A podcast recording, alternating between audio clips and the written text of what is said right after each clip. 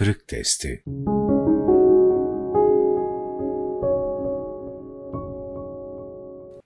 Tevakkuf, duraklama ve satihilik. Osmanlı'nın son döneminde yetişen önemli mütefekkirlerden Filibeli Ahmet İlmi, Müslümanların terakkisinin önünde iki büyük engel görür. Bunlardan biri tevakkuf perestlik, diğeri de malumatı satiye ile kanaat etme. Kanaate acizanemce İslam dünyasının geri kalmışlığını sadece iki sebebe inhisar ettirmek, indirgemek, meseleyi daraltmak olur. Bununla birlikte bu iki husus günümüz açısından oldukça önemlidir. Tevakkuf perestliği kısaca bulunduğu duruma kanaat etme ve ilerlemek için herhangi bir çaba harcamama şeklinde anlayabiliriz. Bediüzzaman Hazretleri de bu hususa temas etmiş ve mevcuda kanaat etmenin dun himmetlik, gayret yoksunluğu, himmetini düşük tutma olduğunu belirtmiştir. Eğer bir millet ekonomide, kültür ve medeniyette, ilim ve araştırma hayatında bir tevakkuf yani duraklama dönemine girmişse, kendisini çürümeye salmış demektir. Zira tevakkuf, tembellik ve ataletin bir neticesidir. Yerinde sayan bir toplumda ilerleme, gelişme yoktur. Böyle bir toplumun zamanla içten içe çürümesi ve yozlaşması kaçınılmazdır. Tevakkuf yaşayan toplumlar yaşadığı çağa ayak uyduramazlar. Zaman itibarıyla çağlarını idrak etseler de zihniyet olarak hep çağdaşlarının gerisinden gelirler. Yaşadıkları çağı kavrayamayanlar da zamana hükmedemez. Zihniyet olarak eski çağlarda yaşadıklarından ötürü kendi zamanlarının insanları için bir mana ifade etmezler. Devrin gereklerine göre kendilerini yenileyemediklerinden eskimiş, güncellikten uzak argümanları kullanmaya devam ederler. Onlar bu şekilde bir yere varacaklarını zannetseler de gerçekte büyük bir yanılgı içindedirler. Filibeli'nin dile getirdiği diğer problem satiyeliktir ki derinliğin zıttıdır. Sati bilgilerle yetinme, derin okuma ve araştırmalar yapmamada günümüz Müslümanlarının problemlerindendir. Maalesef hali pür melalimiz, perişan durumumuz budur. Hadiselere sati bakanların, okuduklarını sati okuyanların, sati düşüncelerle yetinenlerin de büyük düşünceler, çok boyutlu projeler ortaya koyması mümkün değildir. Bugüne kadar kainata sati bir nazarla bakanlar, her zerrede esma ve sıfatıyla mütecelli olan Allah'ı bulamamışlardır. İslam'ı sati bir nazarla anlamaya çalışanlar, onunla ilgili yanlış hükümlere varmışlardır. İnsanlığın iftihar tablosuna sallallahu aleyhi ve sellem sati bakanlar, onu kâmeti balasıyla tanıyamamışlardır. Kur'an-ı Mucizül Beyan'a sati bakanlar, ondaki cevherleri keşfedememiş, hatta onu bir kısım usturelerden ibaret görmüşlerdir. Evet, sati bakışın insanı ulaştıracağı hiçbir yer yoktur. Günümüzde bilginin yaygınlaşması ve kolay ulaşılabilir olmasıyla birlikte satiliğin daha da arttığını görüyoruz.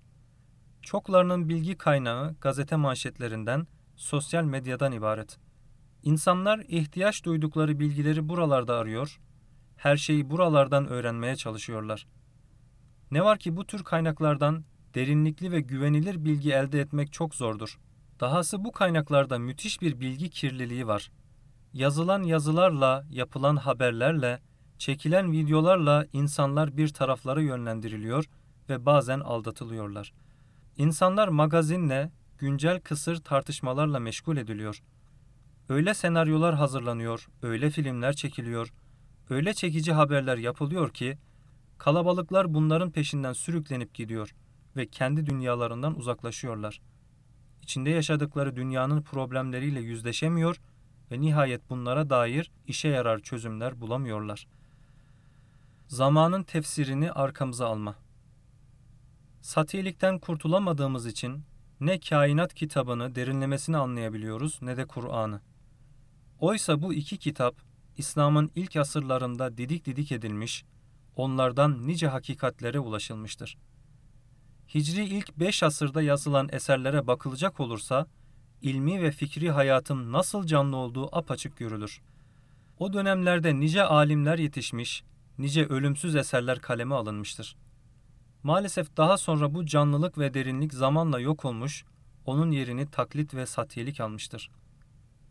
Ne yazık ki batıda yaşanan aydınlanma bizim son dönem medreselerimize giremedi. Oralarda asırlarca önce yazılan eserler tekrar edilip durdu.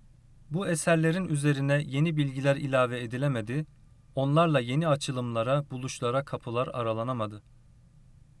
Gerçi bu eserlerin her biri bir şaheserdi. Fakat onları kaleme alanlar birer allame olsalar da eserlerini kendi çağlarının ilim ve kültür hayatının tesirinde yazmışlardı. Halbuki onlardan sonra insanlık aleminde çok büyük değişimler, inkılaplar yaşandı. Bu değişimlerin yakın takibe alınması ve şartlara göre yenilenme hamlelerinin yapılması gerekiyordu. Ne var ki sonraki dönemlerde büyük bir durağanlık yaşandı. Batıda meydana gelen değişim ve ilerlemeler takip edilemedi. Varlık alemi ve olaylar Kur'an ve sünnetin ışığı altında ve ulaşılan yeni bilgiler eşliğinde derince analiz edilemedi. Şayet günümüzde bütün bu realiteleri görmezden gelir ve asırlarca önce yazılan eserleri aşamazsak, tevakkuftan da, satiyelikten de kurtulamayız. İmam Gazali, Fahrettin Errazi, Kadı Beydavi, İmam Taftazani, İmam Cürcani gibi alimlerin her biri bir kâmeti baladır. Ortaya koydukları eserler de baş döndürücüdür. Onlardan alacağımız çok şey vardır. Ne var ki onların fikirlerini Kur'an ve sünnet nasıl gibi göremeyiz. Sahabi efendilerimizin anlayışıyla eş tutamayız. Kayıtsız şartsız onlara teslim olamayız. Eserlerinde zikrettikleri dinin sabit ve değişmez hükümlerini bir tarafa bırakacak olursak, onların da yaşadıkları dönemin tesirinde bir kısım değerlendirmeler ortaya koyduklarını göz ardı edemeyiz.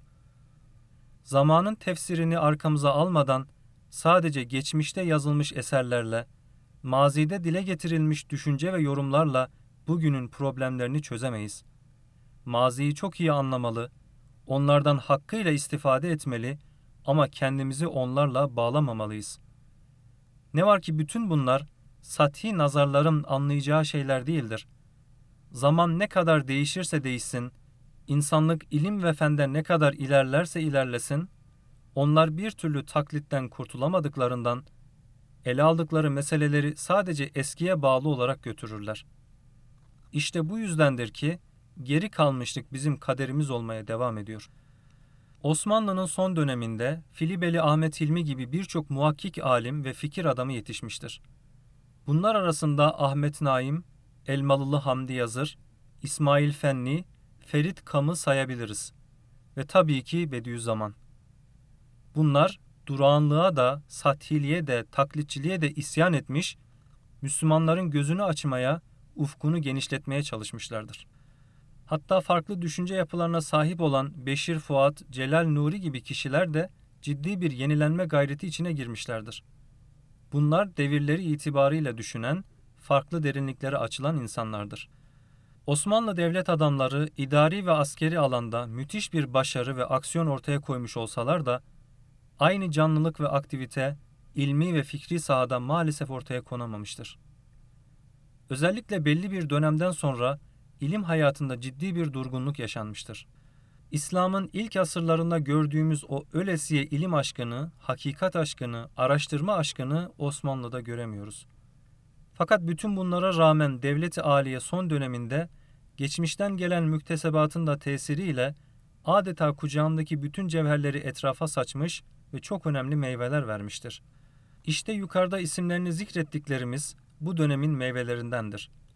Onlar gaflet perdelerini yırtma, fikir ve ilim çizgisinde durağanlığa son verme, taklitten tahkike geçme adına ciddi bir gayret ortaya koymuş, insanlarda yeni bir heyecan uyarmaya çalışmışlardır.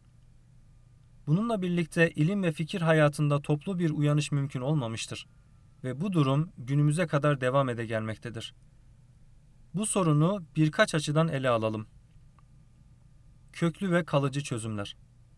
Toplumsal bir hastalık olarak okumayı, araştırmayı sevmeme, bu uyanışın gecikmesinde en büyük etkendir denebilir. Ayrıca okuduklarımızı ne kadar anladığımız da ayrı bir tartışma konusudur. Kaç kişi yazılanları eleştirerek okuyor, sorgulamalar yapıyor, kritik ediyor, kıyaslamalara gidiyor, elde ettiği bilgileri analiz ve sentez yapabiliyor. Bundan da kötüsü okumamak, öğrenmemek, anlamamak, derinleşmemek bizi rahatsız da etmiyor. Yüzeysel ve kulaktan dolma bilgilerle yetiniyor, hayatı o sığlıkta yaşamaya çalışıyoruz. Başta da dediğim gibi bu sorunu tetikleyen, ve günümüzde herkesi esir alan medya ve dijital iletişim ağlarını unutmamak gerekir. Sıradan insanlar için böyle bir sığlık bir yere kadar normal karşılanabilir. Ama ilimle iştigal eden insanlar da zaman içinde maalesef bu sığlıktan kurtulamadılar. Mesela niye sosyoloji alanında çalışan bir insan o mevzuda bilinmesi gerekli olan her şeyi bilmiyor? Niye ekonomide uzmanlık yapan biri bu alanda kendini çok iyi yetiştirmiyor? Niye hadis, fıkıh, kelam gibi İslami ilimlerde ihtisaslaşan ilim adamları insanlığın önüne yeni ufuklar açmıyor? Topluma yön verecek gerçek entelektüeller yetişmediği için ciddi bir terakki de gerçekleşmiyor. Bu durum toplumu bir sürü gibi idare etmek isteyen zorba idarecilerin de işine geliyor. İnsanların eğitimli olmalarını, aydın olmalarını istemiyorlar. Çünkü cahil insanları gütmenin daha kolay olduğunu düşünüyorlar. Toplumun her dediklerini onaylayan, kendilerinin istediği gibi düşünen, onların koydukları sınırları aşmayı akıllarının ucundan geçirmeyen fertlerden oluşmasını istiyorlar. Elit ve eğitimli insanların muhalefet, itiraz ve eleştirilerinden korkuyorlar. Hak bildiği yolda yürüyen, hakikati müdafaa eden, zulüm ve haksızlıklara baş kaldıran kimselerin varlığı onları tedirgin ediyor. Çünkü böyle bir seviyeye gelen toplumu arzu ettikleri istikamette sevk ve idare edememekten korkuyorlar. Evet, Müslümanların bugünkü geri kalmışlığında müstebit, zorba idarelerin de önemli bir rolünün olduğu unutulmamalıdır. Her şeye rağmen bize düşen vazife, cehaletin, taassubun, taklidin, sığlığın, tevakkufun her çeşidine karşı savaş ilan etmek ve bunları ortadan kaldırma adına sahip olduğumuz tüm imkanları sonuna kadar değerlendirmektir. İnsanlarda okumaya, araştırmaya, düşünmeye karşı yeni bir aşk şevk uyarma adına elimizden gelenin en iyisini yapmak gerek. Şunu unutmamalıyız ki içinde yaşadığımız coğrafyanın geçici müdahalelere, pansuman çözümlere değil, kalıcı imar ve ıslah faaliyetlerine ihtiyacı var. İnsanlara oksijen tüpleriyle nefes aldırdığımızda bir yere kadar belki onları ferahlatırız. Fakat bu geçici ve kısa vadeli çözümdür. İstenilen tedaviyi uygulamadıktan sonra arkasından tekrar kronik problemler nükseder. Aynen bunun gibi içinde yaşadığımız karanlık, sıkıcı ve boğucu atmosferin kalıcı olarak dağıtılmasına ihtiyaç var. İşte günümüzde bunu gerçekleştirebilen insanlar insanlığa kalıcı hayırlar sağlamış olacak, arkalarında birer yağdı cemil bırakacaklardır. Bu da çağın çok iyi tanınmasına, yaka paça olduğumuz problemlerin çok iyi teşhis edilmesine, arkasından da bunların izalesi adına çok sağlam plan ve projelerin yapılmasına ve ardından ciddi bir aksiyon ortaya konmasına bağlıdır. Öyle sağlam blokajlar oluşturmalı ve üzerine öyle sağlam binalar yapmalıyız ki ne fırtınaların ne de tsunamilerin onları yıkmaya gücü yetmesin. Müzik